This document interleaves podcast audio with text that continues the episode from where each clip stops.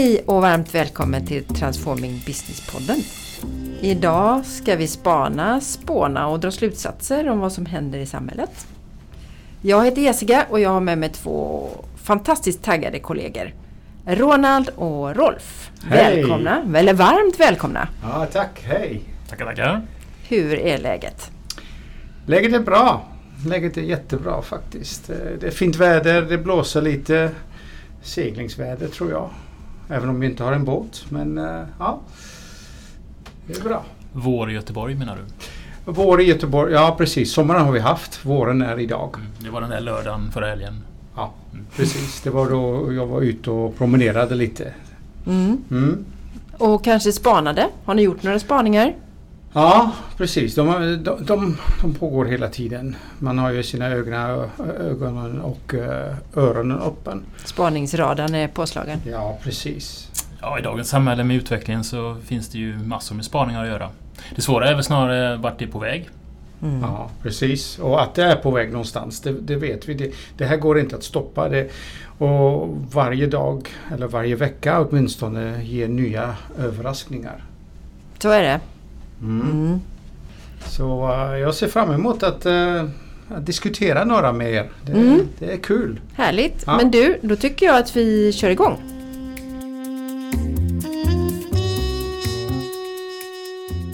En, eh, en spaning som jag har gjort det är en ganska stor spaning och det är att vi faktiskt är så fantastiskt snabba på att anpassa oss när det väl gäller. Mm. Om man nu tittar på till exempel alla hemmakontor.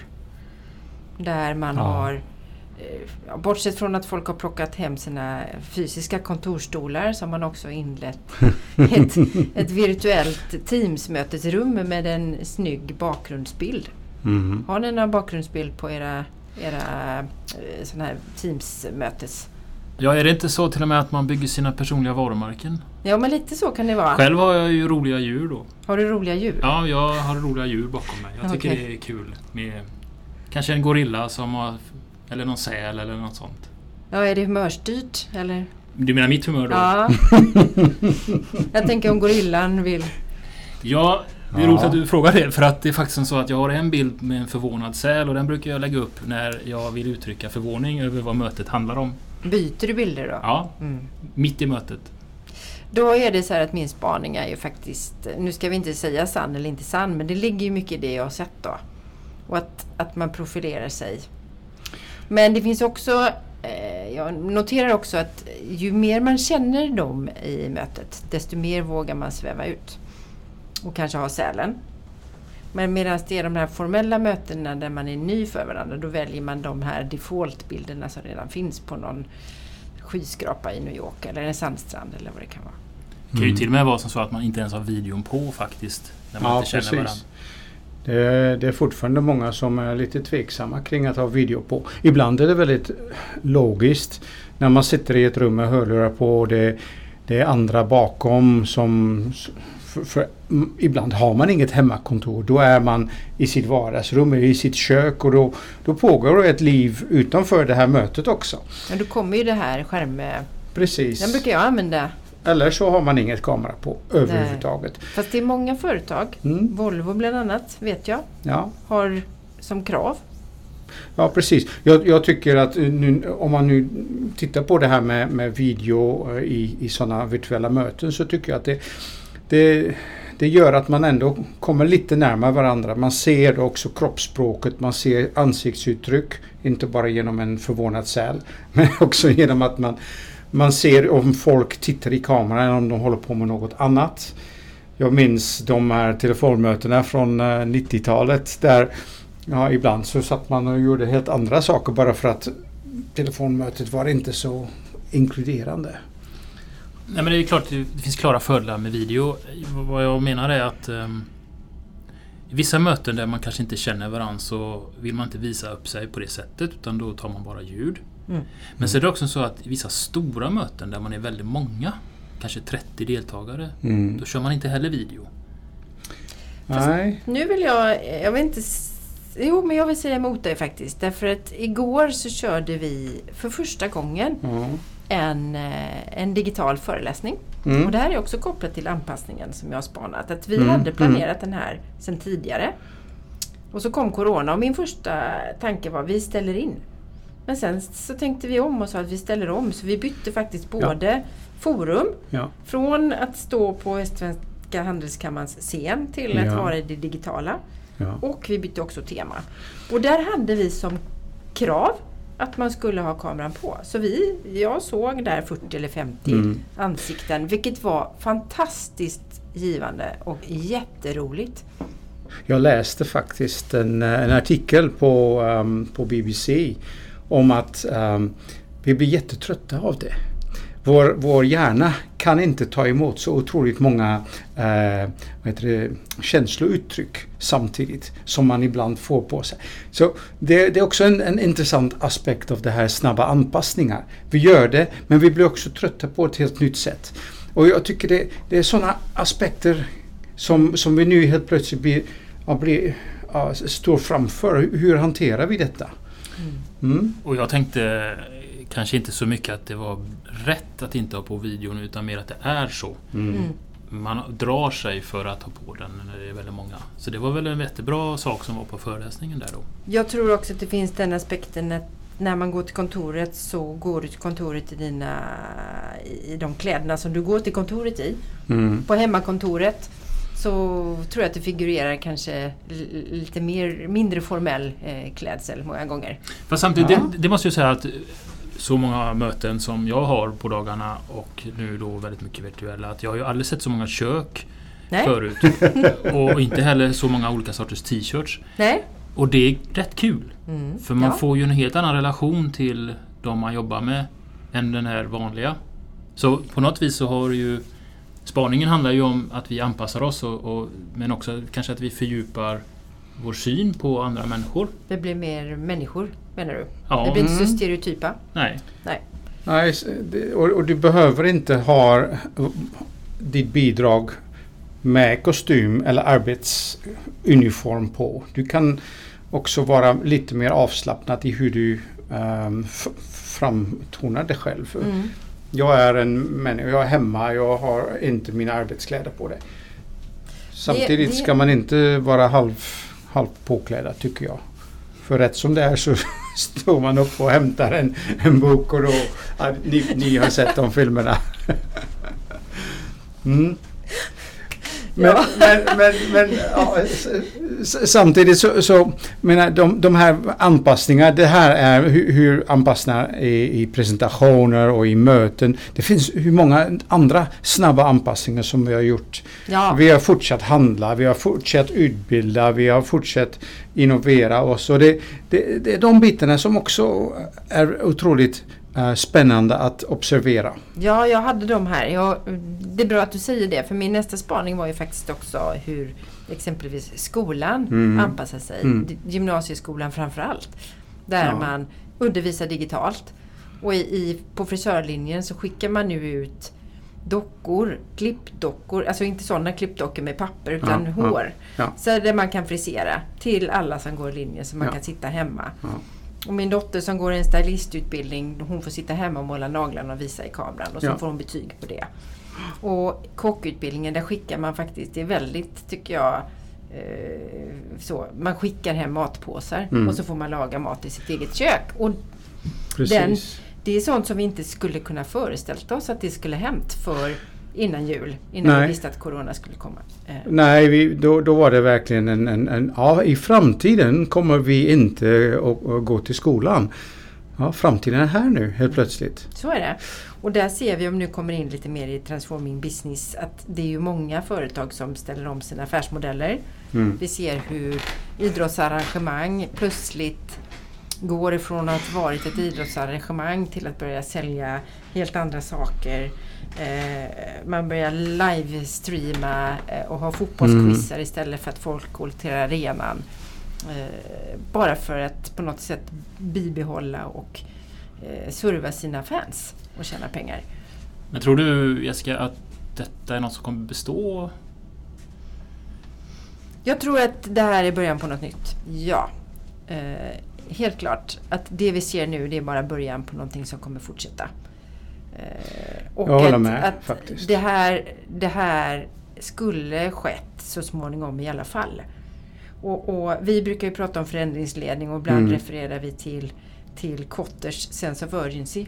Och i Mm. det här fallet så ser jag att när det finns en riktig sense of urgency, vi har ingen, vi har ingen väg tillbaks, vi måste göra det här för annars så tappar vi kontakten med vår målgrupp. Mm. Kyrkan till exempel, istället för att folk kommer till kyrkan så kommer kyrkan ut i vardagsrummet.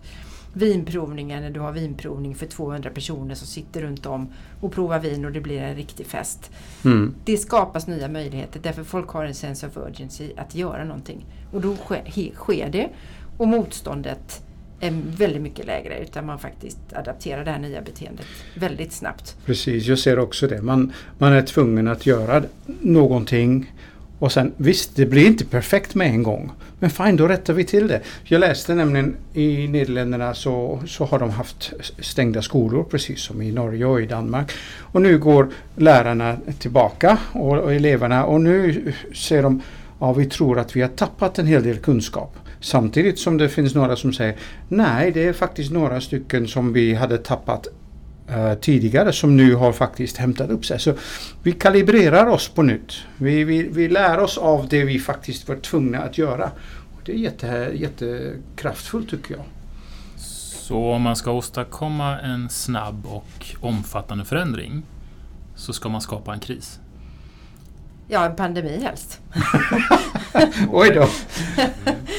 Nu Nej. vet, jag vet inte om det är rätt policy. Nej, men i kris, i kris så agerar ju, då tvingas man ju agera. Och eh, här har ju vi pratat lite grann om att man inte ska trycka direkt på panikknappen utan eftertanke. Utan att man ska agera med ett långsiktigt tänk Mm. eh, i, i, liksom i, i bagaget på något sätt. Så att inte man bara gör någonting som inte går att, att skala upp eller Precis. duplicera, industrialisera. Eh, Men man tvingas ju tänka till. Mm. Och då frigörs ju också kapaciteten därför det, du kan inte jobba på som vanligt. Så att ja, en kris definitivt. Och det behöver ju inte vara den, så som den som vi har nu utan det kan ju vara andra kriser som vi har sett historiskt. Precis. En anledning för att känna det här sense of urgency. Den Så blir väldigt märkbar ja. Kotter hade rätt. Ja, sense of urgency. Och det spelar ingen roll om jag ska göra en förändring så måste jag ha en sense of urgency. Mm. Precis. Så slutsatsen i den här är att ja, kris driver på sense of urgency. Mm. Sense of urgency behövs för att du ska göra en förändring. Ja, Och vi kan förändra oss snabbare än vad vi tror. Om vi precis. vill. Vi kan. Vi kan. Ja. Yes, we can.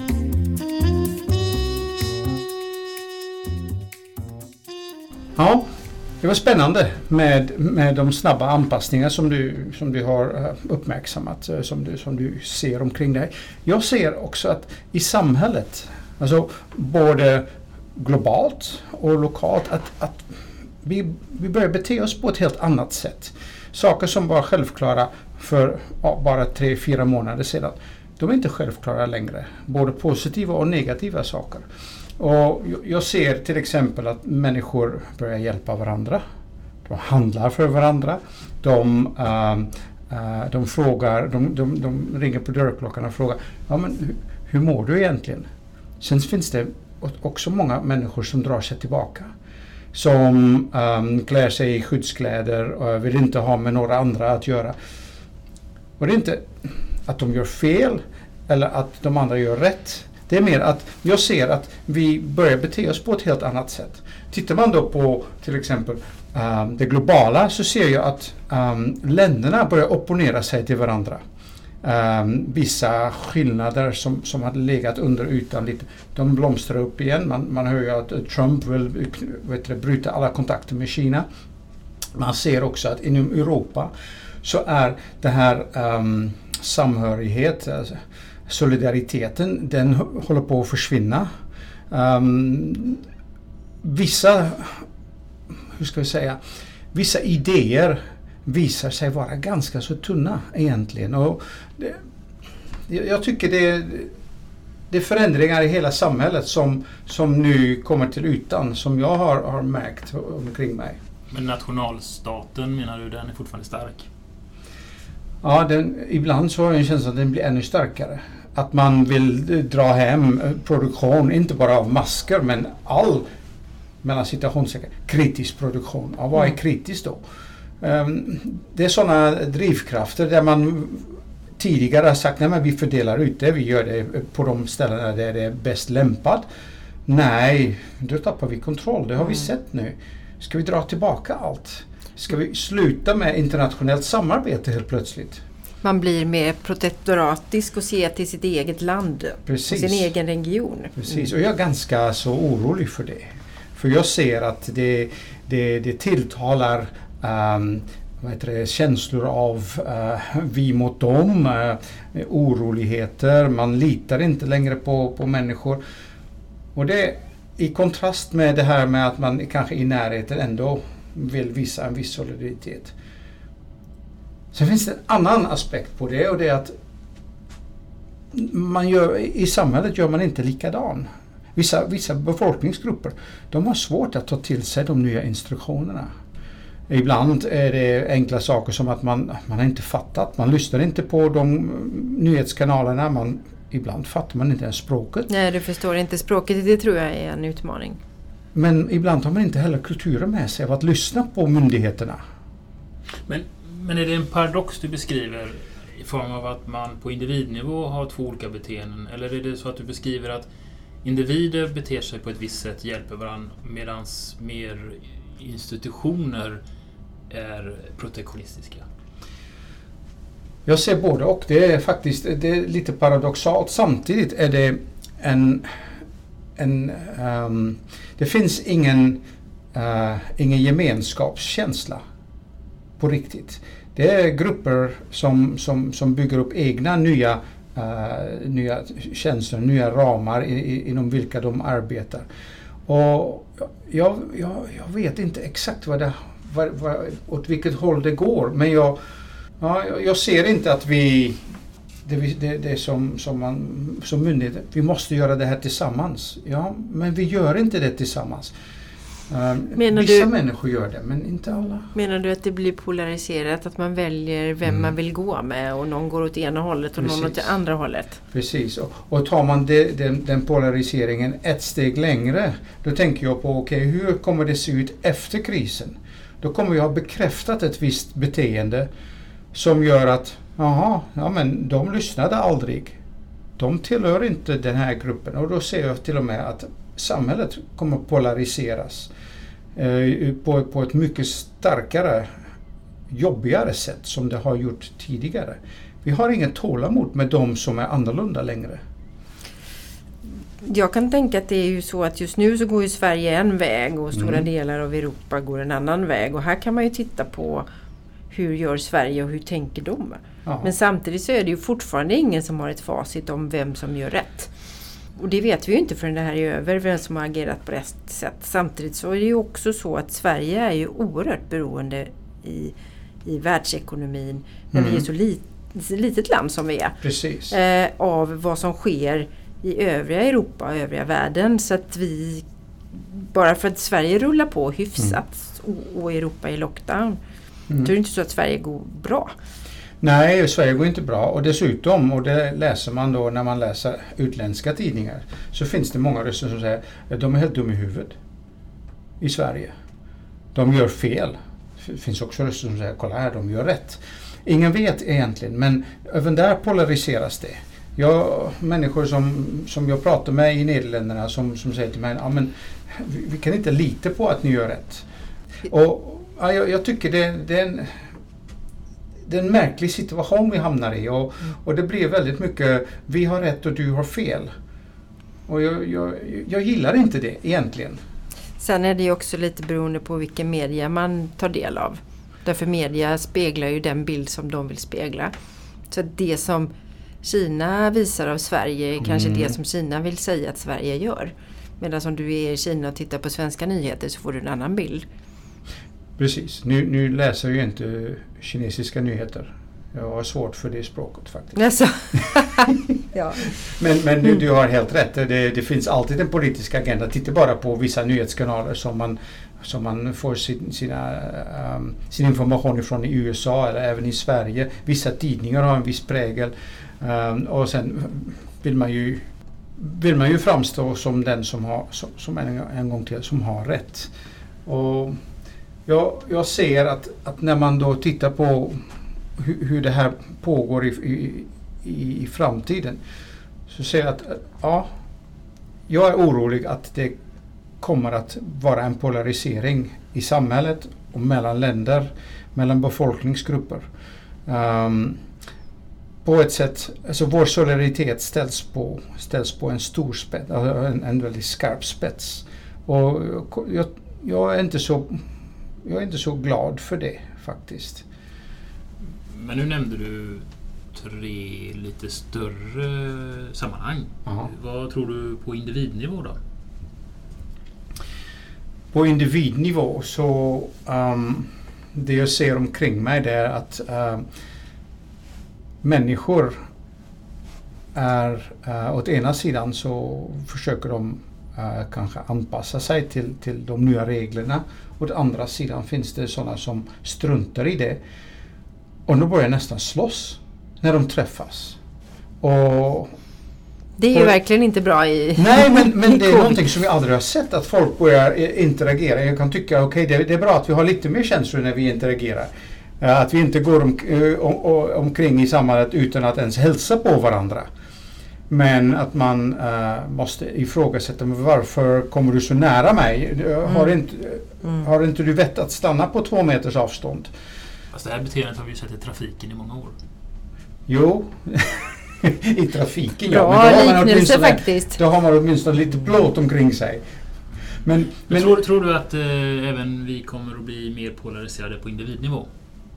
Jo, jag, jag, jag är rädd för det faktiskt. Um, Så det här, den här samhörigheten och att vi hjälper varandra, det är bara temporärt? Det är en, det, ja, jag skulle vilja lyfta det mer. Men jag vill inte att det ska vara temporärt. Jag tycker det är en, en sak där vi måste faktiskt där vi måste göra en insats. Där vi måste lyfta dem som, som hjälper. Vi måste lyfta det här med att vi inte ska utveckla Eh, det här kravet på fysisk isolation till, till att vi uh, isolerar oss också som individer socialt och att vi inte uh, är fortfarande flockdjur som ska lösa saker och ting tillsammans. Även på individnivå. Um, det, jag kommer ju utifrån till Sverige och jag, jag har sett att det finns väldigt massor med uh, väldigt många sam, uh, samhällsregler, samhällsvanor som bygger på det kollektiva. Uh, om man bara tittar på ett, ett flerfamiljehus med mm. en tvättstuga. Ja, jo. Det finns inte i Nederländerna. Alla har sin egen tvättmaskin. Men att man delar på det. Och det är en vana som, som jag tycker är hederlig. Men det är saker som, som håller på att försvinna och blir man mer isolerad, blir man mer självcentrerad på grund av det här, på grund av att jag måste skydda mig själv och min familj. Så tror jag att alla de, de, de vanor och beteenden som vi har byggt upp kommer att, att brytas ned snabbare än vi, än vi egentligen kan tro. Och det är en, en, det är en, det är en, alltså, en del av den polariseringen. Man, mm. man drar sig åt sin egen, sin egen grupp och det blir fler och fler små grupper. Så kan det nog vara. Sverige är ju ändå ett land där vi har flest ensamhushåll. Mm. Och där vi faktiskt inte lever över generationerna i, i våra hushåll. Så vi är ju redan ett, ett ganska ens, en, en, ganska ensam befolkning. Mm. Mm. Precis, men som sagt det är en spaning och den är inte så jätte um, positiv. Um, och min, egentligen min slutsats är att vi får vara medvetna och, och jobba med den, med, den, um, med den insikten att vi, jag vill inte hamna där. Jag vill undvika det. Jag vill värna om uh, med, medmänniskan och, och, oavsett i vilket sammanhang jag befinner mig. Jag kan inte påverka den uh, globala politiken. Men jag kan påverka i, i, i min närområde. Uh, ja, det, så, så ser jag på det. Mm. Mm, det är intressant. Mm. Jag måste säga Ronald att det var en väldigt tänkvärd spaning. Mm. lite, lite djup kanske och inte... Inte så positivt som jag hade hoppats men det, ja. Alla spaningar är ju tyvärr inte positiva. Nej. Nej. Nej, precis. Vad, vad Rolf då? Kan du, eh, kan du kontra med något eh, eh, kanske lite mer upplyftande? Eh, Men känner inga krav. jag, jag tänker så här att... Ehm, och den här spaningen är ju egentligen inte unik för mig utan det är nog många som har den. Det är ju att vi under många år har ju upplevt kanske en situation i media och liknande där där eh, politiker och andra professionella tyckare står och boxas med åsikter. Mm. Och så lägger de fram det som fakta. De är väldigt duktiga på att eh, paketera det och formulera det som att så här är det. De Ja. kanske killgissar till och med. Eh, det finns nog en och annan killgissning i sammanhanget. Eh, fram, Ex executive summary. ja, framförallt så finns det ju agendor. Mm. Och så framlägger man fram det som fakta. Och så står man och boxas i en eller två minuter i Aktuellt-studion. Mm. Och där har man en ringdomare som då eh, försöker liksom styra upp det. Och det här är ju i alla fall jag ganska trött på. Jag tror många är trött på det. Det är inte... Man ser ju igenom att det är agendor. Det är inte så Mm, konstruktivt. I, nej, det leder ju aldrig till egentligen att någon säger Ja just ja, du har ju faktiskt rätt. Vilken chock det skulle vara. Det hade varit fräscht. Ja. Så det här är ju, tycker jag, jobbigt. Men nu har vi ju sett en renässans för specialisten. Och Ja. det, det, det är fortfarande inte så att det är en unik spaning för mig utan det, det ser ju alla då att plötsligt så står det ju professionella människor, om jag uttrycker mig så, med sina specialistdomäner och, och uttalar hur det inte är. Mm. Eller att de inte vet. Mm. Och man kommer undan med det om jag uttrycker mig så inom situationstecken. Det vill säga, det är acceptabelt att man inte vet. Det är acceptabelt att man använder sin erfarenhet och kunskap till att säga så här kan det vara. Eller så kan det vara så här. Vi vet inte, vi får se. Respekt för vetenskapen nästan. Vi har blivit tvungna att ta oss dit. Ja. Mm. För verkligheten ser ut som den gör. Ja, det Mm. är ju faktiskt så att det är ingen som vet. Nej. Så specialisten har ju fått en renässans. Mm. Den får stå på scen, den får stå i, i media, i tidningar och på i TV och så vidare och, och uttrycka sig på det sättet. Det tycker jag ju är trevligt. Samtidigt som det naturligtvis bygger ett annat problem och det är ju att man känner en osäkerhet i vart det är på väg och varför uttalar de sig överhuvudtaget när de inte vet. Mm. Så det blir väldigt mycket åsikter ändå på något vis. Men okej. Jag kan nog föredra specialiståsikter framför politikeråsikter. Även om politiker är specialister på sitt område, det vill säga ideologi då. Men det är inte egentligen det som är min spaning. Spaningen är att jag tror att framtiden i framtiden så kommer vi ha någonting som vi kan kalla för de holistiska specialisterna. Mm. Mm. The Holospec. Holospec. Det vill säga människor som är specialister på sina områden, som har en djup kunskap men också har en holistisk bas, en bred bas, kan mycket om mycket. Och ja, vi kan egentligen prata om den här T-formen då. Man, Mm. man kan mycket om mycket och eh, väldigt mycket om ett specifikt ämne men man har ändå en holistisk bas, eller en bredd att stå på. Mm. Och fördelen med det här skulle ju vara att man har en förmåga att se den stora bilden och kan sätta sin profession eller sitt, sin kunskap i ett kontext som är bredare. Mm. Och därmed också både kunna förmedla sin kunskap på ett bättre sätt, kunna mitigera invändningar och problem med det man säger på ett annat sätt. Som nu till exempel så ser vi ekonomerna i ena ringhörnan som pratar om ekonomi och Mm. samhällsutveckling utifrån ett kontext. Och i andra änden, i andra ringhörnan så står ju hälsoprofessionen av att eh, vi måste ta hand om oss och vi, vi, det är det viktigaste av allt. Och så står de ju där och boxas på sitt sätt då. Mm. Ännu bättre hade det ju varit om man kunde väga samman bägge de här i en slutsats och i ett budskap. Som ju då en holistisk specialist skulle kunna göra.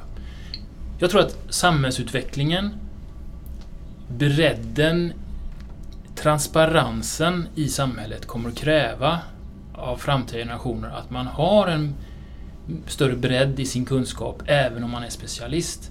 För, för det är så transparent så man blir ju synad på ett helt annat sätt idag. Mm. det här med Mm. specialist överlag l- synkar ju lite med den generationen som är något yngre än vad vi är.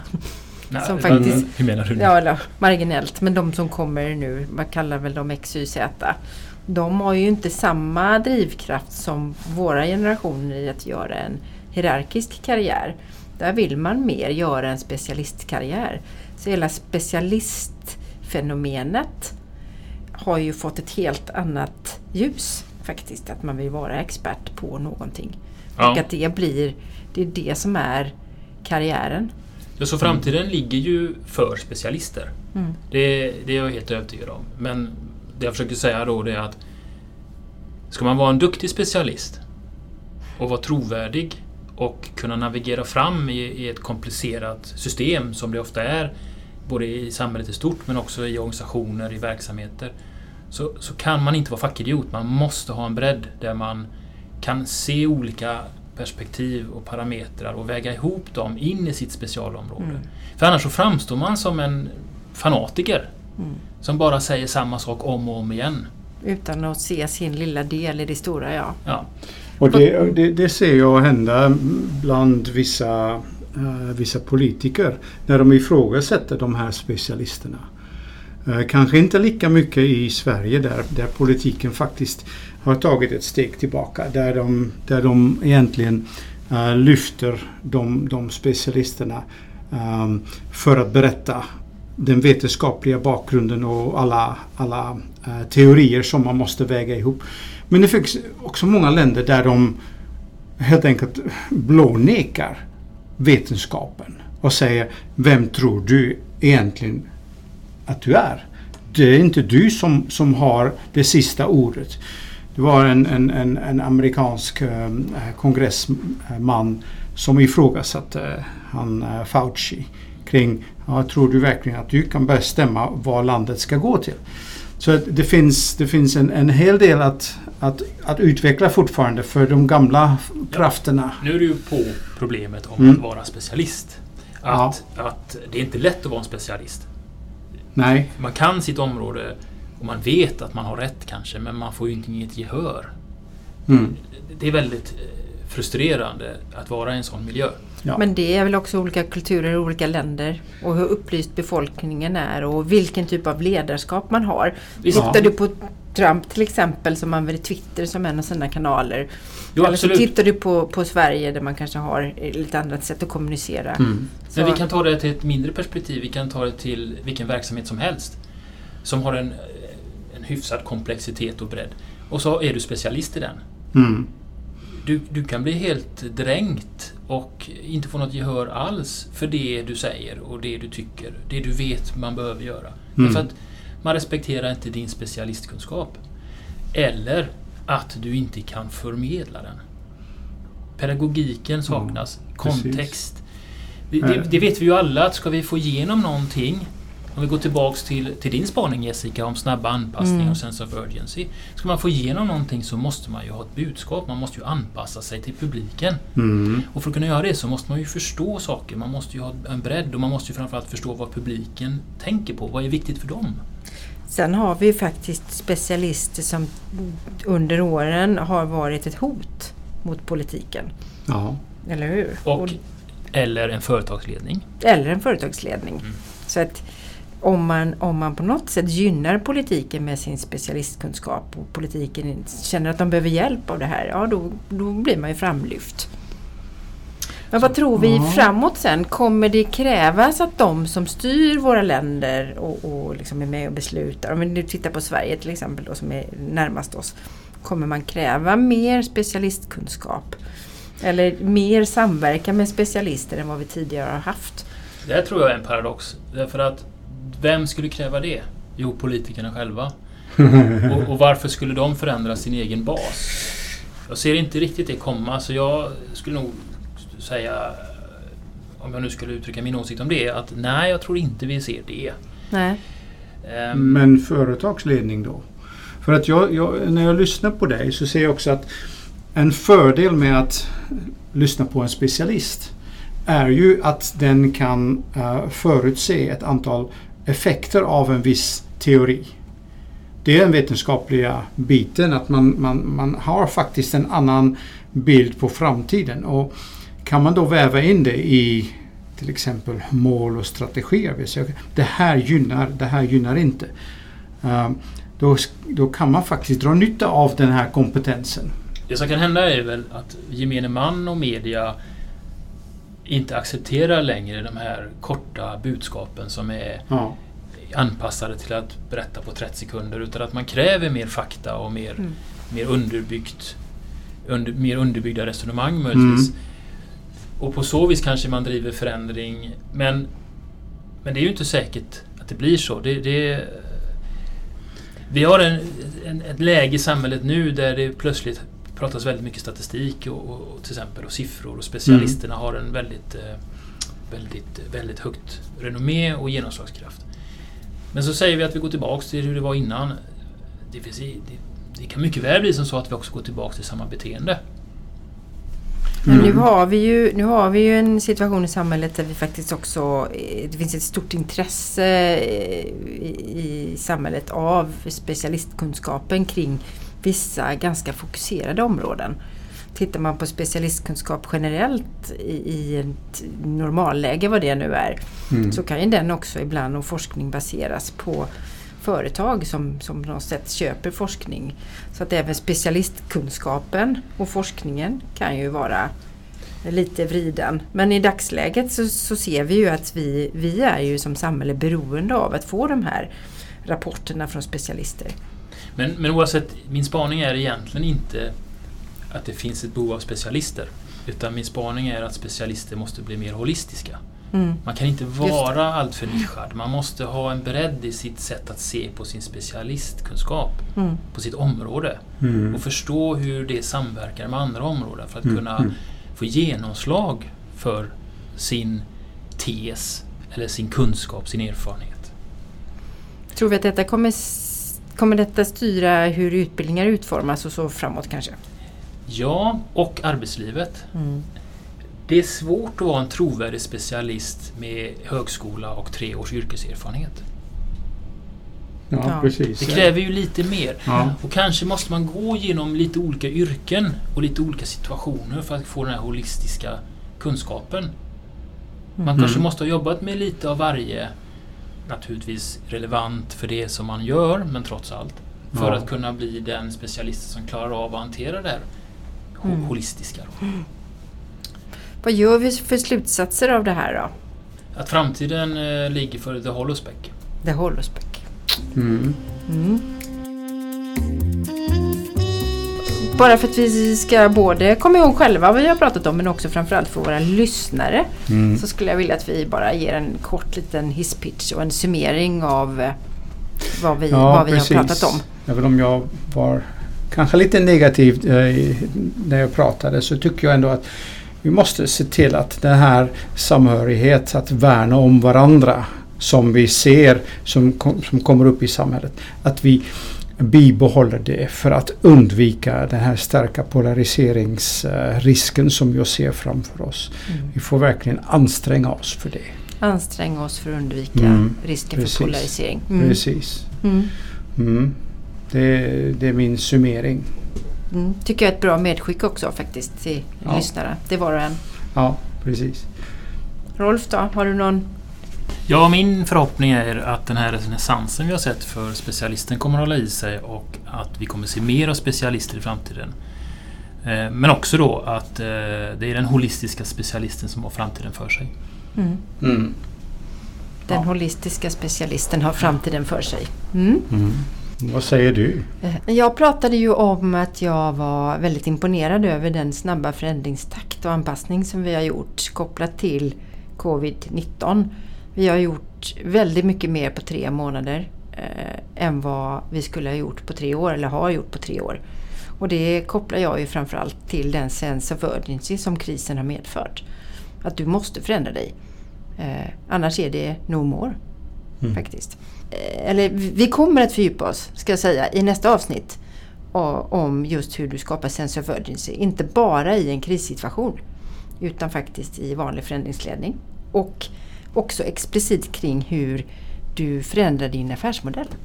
För den kommer att vara avgörande för din framtida framgång och konkurrenskraft. Mm. Då eh, är det dags att tacka för oss. Ja. Ja, Ja, jättekul. tack för Absolut. eh, spännande snack. Mm. ja. Vi hörs igen. Det gör vi. Ja. Nu springer vi Inom ut i kort. våren. Inom kort. Ha det bra! Ha det. Hej då! Hej då.